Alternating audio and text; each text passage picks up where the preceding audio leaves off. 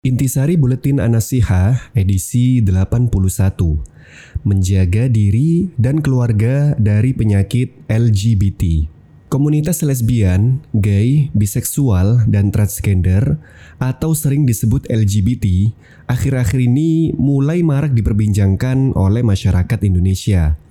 Sebagian orang mendukung komunitas LGBT dan menganggap itu adalah anugerah akan tetapi, banyak juga masyarakat yang merasa bahwa itu adalah suatu kelainan dan pelanggaran terhadap aturan agama. Lalu, manakah yang benar? LGBT itu penyakit ataukah anugerah? Bagaimana Islam menyikapinya? Dan jika memang merupakan penyakit, bagaimana mencegahnya? Di sini kami mencoba menghimpun suatu pembahasan tentang LGBT ini. Semoga bisa memberikan solusi kepada masyarakat Indonesia.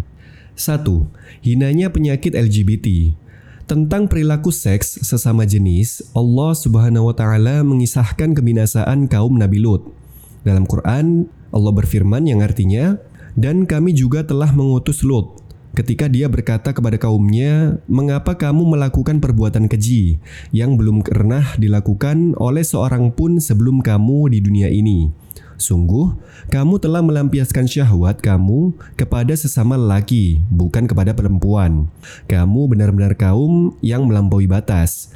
Dan jawaban kaumnya tidak lain hanya berkata, "Usirlah mereka, yaitu Lut dan pengikutnya dari negerimu ini. Mereka adalah orang yang menganggap dirinya suci. Kemudian kami selamatkan dia dan pengikutnya, kecuali istrinya. Dia atau istrinya termasuk orang-orang yang tertinggal, dan kami hujani mereka dengan hujan batu. Maka perhatikanlah bagaimana kesudahan orang yang berbuat dosa itu. Quran Surat Al-A'raf ayat 80 hingga 84 2. Cara mencegah LGBT di antara cara ampuh mencegah LGBT adalah dengan bertakwa kepada Allah Subhanahu wa taala. Karena takwa adalah solusi untuk menghadapi berbagai permasalahan.